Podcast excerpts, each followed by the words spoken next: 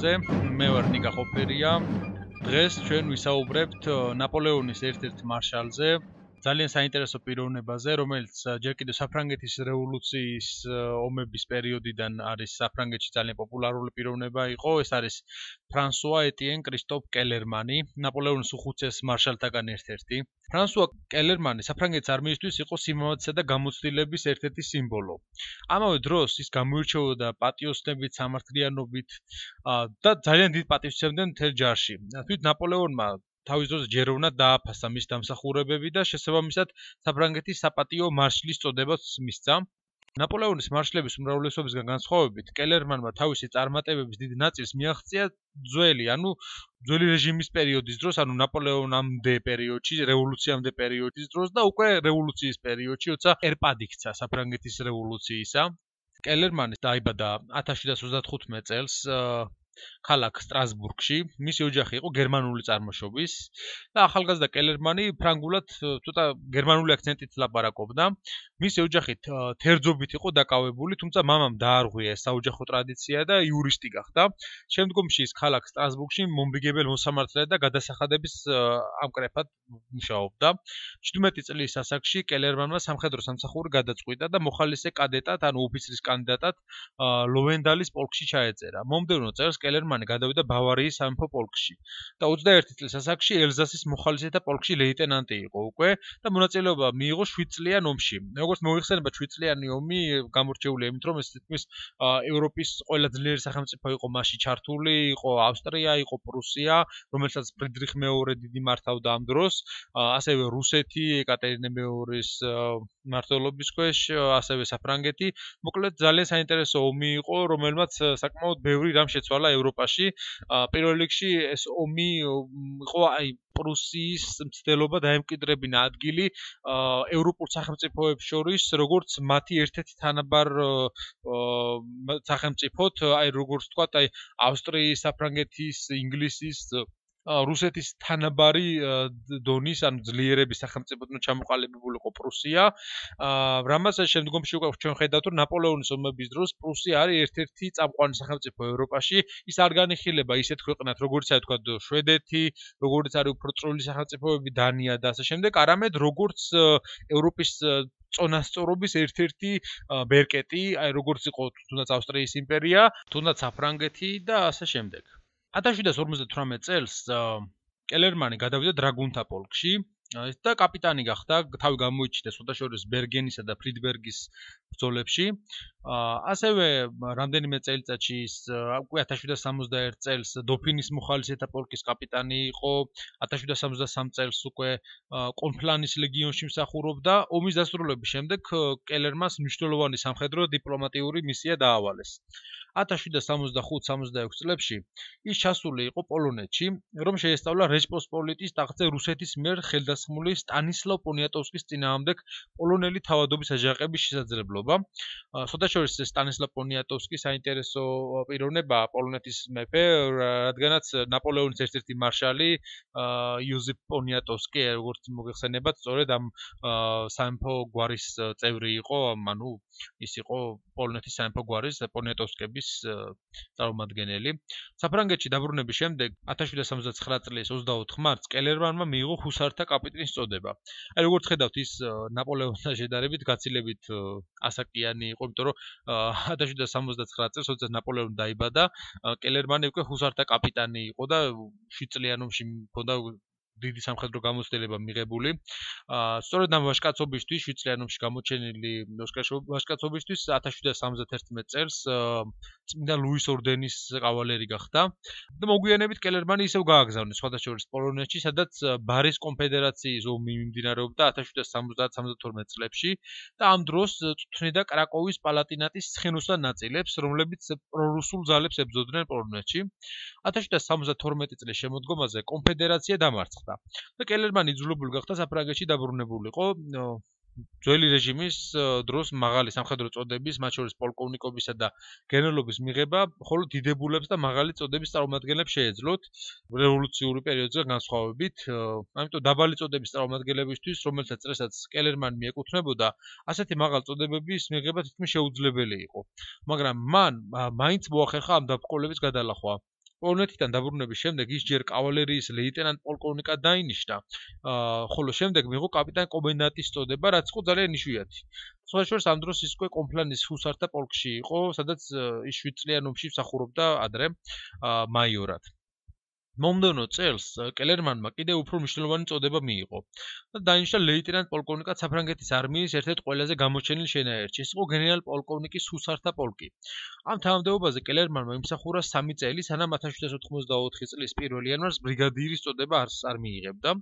მომდენო წლებში კელერმანმა განაგრძო თავისი წარმატებული კარიერა და საფრანგეთის დიდი რევოლუციის დაწყებამდე ცირეხნით ადრე უკვე გენერალ მაიორის წოდება ჰქონდა მას და ჯარში ძალიან დიდ პატივს ემდნენ ოფიცრები მის მას ასე ვთქვათ გამოცდილებისთვის, სამხედრო დამსახურებისთვის, მაგრამ ბევრი არაკეთილმოსურნეც ყავდა, დასცინოდნენ კელერმანის ალზასურ აქცენტს, რადგან ის იყო ეს გერმანული აქცენტით ლაპარაკობდა, ფრანგულს, აბრალებდნენ სიძუნწეს, რაც ცხო უნდა ყოფილიყო ასეთი მაღალი რანგის ოფიცრისთვის.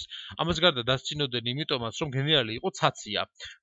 და საინტერესო ფაქტია, ფოტოშორის, იმიტომ ამ პერიოდში ძალიან ცაციებს ავიწროებდნენ ამ ხრივ.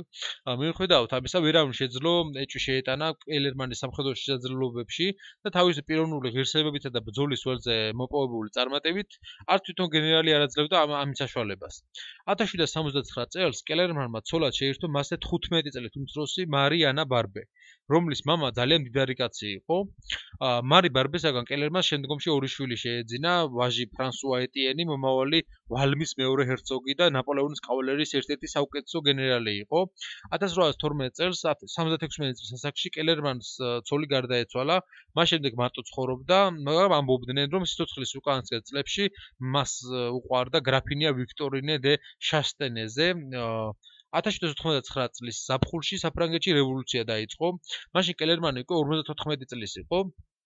ბა განაგრძო ჯარში მსახური, მიუხედავად იმისა, რომ ბევრმა მაღალი წოდების ოფიცერებმა ქვეყნიდან გაქცევაც კი ურჩია მას. 1792 წელს რევოლუციურმა საფრანგეთმა ომი გამოაცხადა ავსტრიასა და პრუსიას. ამ დროს სოთაშორის ლუი მე-16-ს ამ დროისთვის უკვე 40 წლიანი კარიერის აღსანიშნავად ელერბანისთვის ჰქონდა კომანდორის წმინდა ლუის ორდენის კომანდორის ხარისხი მინიჭებული და გენერალ-ლეიტენანტის წოდებაც. ათასობით ოფიცრის ემიგრაციის შემდეგ, როცა საფრანგეთმა რევოლუციურ საფრანგეთმა ომი დაიწყო ავსტრიასა და პრუსიასთან, ფრანგული ჯარი არ იყო მზად ომისთვის და კელერმანს იმ დროისთვის ერთ-ერთ ყველაზე გამოცდილი ფრანგ გენერალს თავდაპირველად მისი მოწესრიგება დაევალა. იგი ჯერ ნიუკირხის სამხედრო ბანაკის და საარის დივიზიის უფროსი გახდა 1 მაისს, ხოლო შემდეგ ვისენბურგთან სამხედრო ბანაკის მოსაზრდებლად გაემგზავრა. 1792 წლის 20 აგვისტოს ცენტრალური არმიის მხედართავარი გახდა და სექტემბრის დასაწყისში უკვე არმიაში ჩასვლის შემდეგ სკერერმა დაიწყო არმიის სრული რეორგანიზაცია. მან მოაწესრიგა ჯარის მომარაგების სისტემა, შექმნა ახალი შენაერთები და განდევნა მოხალისეები, რომელთაც არანაირი სამხედრო წვრთნა არ ჰქონდათ და რეალურად არც ჰქონდათ სამხედრო ღირებულება. ამავე დროს 12 სექტემბერს კელერმანმა მიიღო დახმარების თხოვნა გენერალ დიუმურიესგან. ეს იყო ჩრდილოეთის არმიის მხედართავარი, რომელიც რიცხობრივად უპირატეს პრუსიული ჯარის შეჩერებას ცდილობდა ამ დროისათვის. 1792 წლის შემოდგომისთვის რევოლუციური საფრანგეთი დიდი საფრთხის წინაშე იდგა, რადგან ავსტრიულმა და პრუსიულმა ჯარებმა საფრანგეთის საზღვარი გადაალახეს და რამდენიმე ფრანგული ციხესიმაგრე იგდეს ხელთ. პარიზს მათ მხოლოდ რამდენიმე დღე აშორებდათ. სწორედ ამ გადამწყვეტ მომენტში კელერმანმა სრულიად წარმოაჩინა თავისი სამხედრო ნიჭი. ის შეუერთდა დიუმურიეს ქალაქ ვალმისთან, სადაც 1792 წლის 20 სექტემბერს ძალიან ცნობილი ბრძოლა გამართა, ალბათ საფრანგეთის რევოლუციის ომებში ერთ-ერთი ყველაზე ცნობილი, ეს არის ვალმის ბრძოლა. ვალმისთან გამართული ბრძოლა პირველი კოალიციის ომის გადამწყვეტი ბრძოლა გამოდგა და ამ ომში გამარჯვების ასწორი ფრანგებისკენ გადახარა. დიუმურიეს ჯარი ძირითადად შედგებოდა მოხალისეებისგან, რომლებიც სამხედრო თვალსაზრისით არ იყვნენ საიმედორი. ამიტომ ორი კვირით ადრე კელერმანმა ისინი თავისი ჯარიდან განდევნა. ამდენად ფრანგული ჯარის ბრძოლისუნარიან ვირთვს სწორედ კელერმანის შენაერთები წარმოადგენდნენ. ბრძოლა ხან მოკლე, მაგრამ გადამწყვეტი გამოდგა. ძირითადად საარტილერიო დუელი შემოიფარგლებოდა. ბრძოლის დროს კელერმანი წისქვილთან იდგა, ფრანგულ არტილერიას ზედამხედველობდა და ჯარისკაცებს ამხნევებდა. ფრანგთა მედგარი წინააღმდეგობით შეშფოთებულმა პრუსიელებმა თავის ჯარი თავის ჯარით დიდი დანაკარგების თავიდან ასაცილებლად უკან დაიხიეს. სოდა შორის ვალმისთან ბრძოლაზე არსებობს ჰორას ვერნეს ცნობილი ნახატი, სადაც ნაჩვენებია სწორედ ის მომენტი, როდესაც კელერმანი წისქვილთან დგას და აი როგორ მიმდინარეობს მამის ფონზე სამხედრო მოქმედებები და ძალიან ასეთ კარგად ასახავს ამ ბრძოლას. ვალმისთან ბრძოლამ ძალიან დიდი მნიშვნელობა იქონია მოვლენათა შემდგომ განვითარებაზე. კელერმანის გამარჯვება რომ არა, პრუსიელები და ავსტრიელები შეძლებდნენ პარიზის აღებას და ფრანგული რევოლუციის ჩახშობას, რითაც ევროპის ისტორია სრულიად სხვა გზით განვითარდებოდა. ბრძოლის შემდეგ კელერმანი პრუსიელებს დაედევნა და მათ მიერ ოკუპირებული ციხესიმაგრეები ერთმანეთს მეყოლებით გაათავისუფლა. ნოემბრის დასაწყისში კელერმანი გადაიყვანეს ალპების არმიის ხედარმთავრად, მაგრამ ამავე დროს მას პოლიტიკური პრობლემები შეექმნა. როგორც უკვე აღნიშნეთ, კელერმანი არენდობოდა პატრიოტული სულწკვეთებით ახსავსებ მოხალისეებს, რადგან ის იყო პროფესიონალი სამხედრო და ხედავდა, რომ ამ მოხალისეებში არანაირი ვთქვათ, სამხედრო ღირებულება მათ არ გააჩნდათ. აა მაგრამ ფრანგულ რევოლუციურ ხელისუფლებას საერთოდ მიაჩნდა კელერმანის მხრიდან პატრიოტი მოქალაქეებისადმი ასეთი დამოკიდებულება. 1793 წლის აპრილში გენერალი პარიში დაიბარეს, სადაც მას სასამართლოს წინაშე მოუწია ახსნა განმარტების მიცემა. საბედნიეროდ კელერმანის ჩვენ ჩვენებამ დაარწმუნა ხელისუფლება, რომ მას არავითარი მზაკურული გეგმები არ გააჩნდა. 1793 წლის მაისში კელერმანი ალპებისა და იტალიის ჯარის ხედართავარი გახდა. მან მონაწილეობა მიიღო სამხრეთ აფრანგეთში დაწყებული ამბოხებების შაქრობაში. აგვისტოში ქალაქ ლიონის ალყას მეთაურობდა და ამავე დროს ის არ ემხრობოდა იაკობინელთა მიერ დაწყებულ ტერორს და ლიონში დატრიალებული სისხლიანი რეპრესიების წინამდე გამოვიდა კიდეც, რის გამოც ისევ იაკობინელი ხელისუფლებისათვის პოლიტიკურად საეჭო პიროვნება გახდა. იმავე წლის ოქტომბერში ტერორის მსხვერპლი კელერმანი გადააყენეს იტალიური და ალპური არმიების სარდლობიდან და დააპატიმრეს. ციხეში ერთი წელი გაატარა. მისთა საბედნიეროდ 94 წლის ნოემბერში, როდესაც ის საბოლოო წარსდგა სასამართლოს წინაშე, საფრანგეთის თერმიდორული გადატრიალების შემდეგ შედარებით ზომიერი ხელისუფლება მართავდა. სასამართლომ გაამართლა კელერმანი და 95 წლის იანვარში ყველა წოდება და თანამდებობა აღუდგინა. ჯარში დაბრუნების შემდეგ კელერმანი შეუდგა მის რეორგანიზაციას და სამომავლო კამპანიისთვის მზადებას, მაგრამ იტალიაში საკამპანიის წარმოება მას არ ეწერა. 95 წლის შემოდგომაზე ხელისუფლებამ ალპებისა და იტალიის არმია ორ ნაწილად გაყო და გაზაფხულზე ახლად შექმნილი იტალიის არმია ახალგაზრდა გენერალ ნაპოლეონ ბონაპარტს ჩააბარა. მომდევნო წელიწად ნახევრის განმავლობაში კელერმანმა განაგრძო ალპების არმიის მეთაურობა. 97 წლის სექტემბერში ალპების არმია გაუქმდა საერთოდ და კელერმანი მეშვიდე სამხედრო ოლქის რომლის ცენტრიც იყო ქალაქი ლიონი, უпроსტად დანიშნეს. მომდევნო წელს იგი ჯერ ფრანგულ კავალერიის რეორგანიზაციით იყო დაკავებული, შემდეგ კი გაუძღვა სამხედრო კომისიას, რომელსაც საფრანგული ციხესიმაგრეების შემოწმება და განახლება დაევალა. მომდევნო 2 წლის განმავლობაში კელერმანი თავდაპირველად დაკავებული იყო მოკლედ იყო გენერალური ინსპექტორი კავალერიის, შემდეგ შინაგანი ჯარისა და დირექტორის გვარდიის კავალერიის გენერალური ინსპექტორი, ხოლო ბოლოს გახდა ბატავის რესპუბლიკაში, ანუ ჰოლანდიაში, ფრანგული ჯარის გენერალური ინსპექტორი. 99 წლის ნოემბერ-დეკემბერში დროებით მეთაურობდა ბატავის არმიასაც. 1799 წლის ოქტომბერში საფრანგეთში დაბრუნდა გენერალი ნაპოლეონ ბონაპარტი, რომელმაც ერთ თვეში სახელმწიფო გადატრიალება მოაწყო და ხელისუფლება იგდო ხელთ. ბონაპარტი დიდად აფასებდა კელერმანს და ხელისუფლებაში მოსვლიდან ორ კვირაში დაუკავშირდა მას და სენატორობა უბოძა. შემდგომში ბონაპარტმა კელერმანი სენატის პრეზიდენტიც გახადა.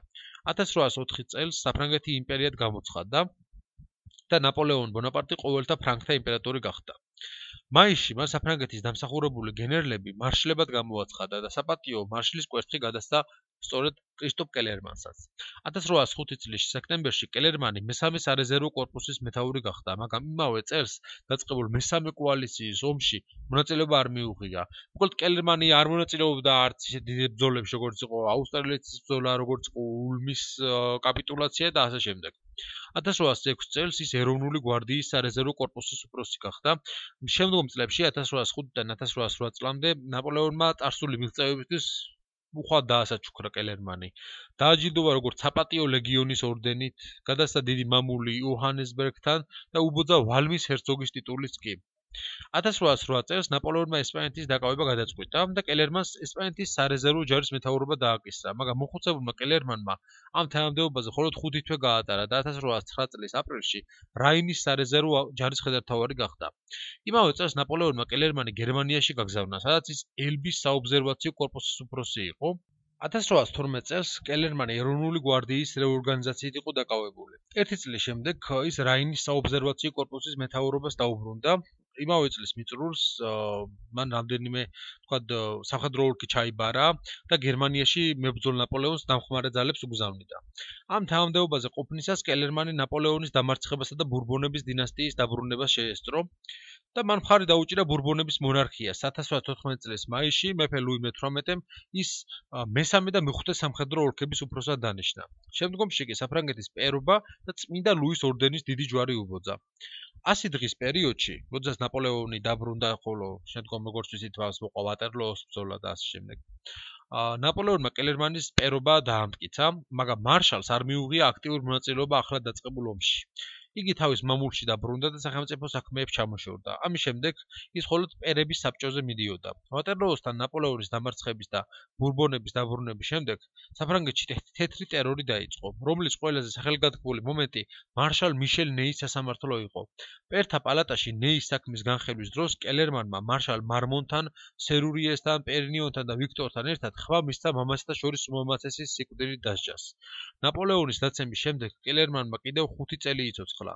1820 წლის 13 სექტემბერს ის 85 წლის ასაკში თავისი მეგობრის, მარშალი ლეფეურის სიკვდილამდე ორი დღით ადრე გარდაიცვალა. კელერმანის სხეული დაკრძალეს პერლაშეზის სასაფლაოზე, ხოლო გული მისი სურვილის მიხედვით ვალმის ველზე დამარხეს. ვალმის მემორიალზე კი წერია: აქ ღირსეული სიკვდილით დაეცნენ მამაცნი, რომელთაც იხსნეს საფრანგეთი 1792 წლის 20 სექტემბერს. მარშალმა კელერმანმა ვალმის hercogმა, მეომარმა, რომელიც ამ დიდებულ დღეს მათი ხელმძღვანელობის ღირსი გახდა, ისურვა, მისი გული მათთან ერთად სამუდამოდ აქ დამარხულიყო. კელერმანი ჩიატანის კაცი ყოფილა, მუდამ შეწითლებული ლოყებით და თავზე წამოცმული შეპოდრული პარიკით. ჯარისკაცებს მეტად უყვარდათ, როგორც მამაცი და ღირსეული მეთაური და მას დიდი არმიის ნესტორს უწოდებდნენ. როგორც ციცით, ნესტორი ჰომეროსის ილიადას ერთ-ერთი გმირია, ბერძენთა სარდალთაგან ყველაზე ხანდაზმული და ყველაზე პატივცემული. კელერმანი ნიჭიერი სამხედრო ადმინისტრატორი იყო. სამხედრო თვალსაზრისით, მან წარმატებას მხოლოდ ვალმისთან მიაღწია, ისიც მოწინააღმდეგე მხარის დიდი ხელშეწყობით. ვალმისთან მისი დამსახურება რომელიმე ბრწყინვალე სამხედრო მანევრის განხორციელება კი არ იყო, არამედ ფრანგ ჯარისკაცთა გამხნევება და მათი პოზიციების დატოვება.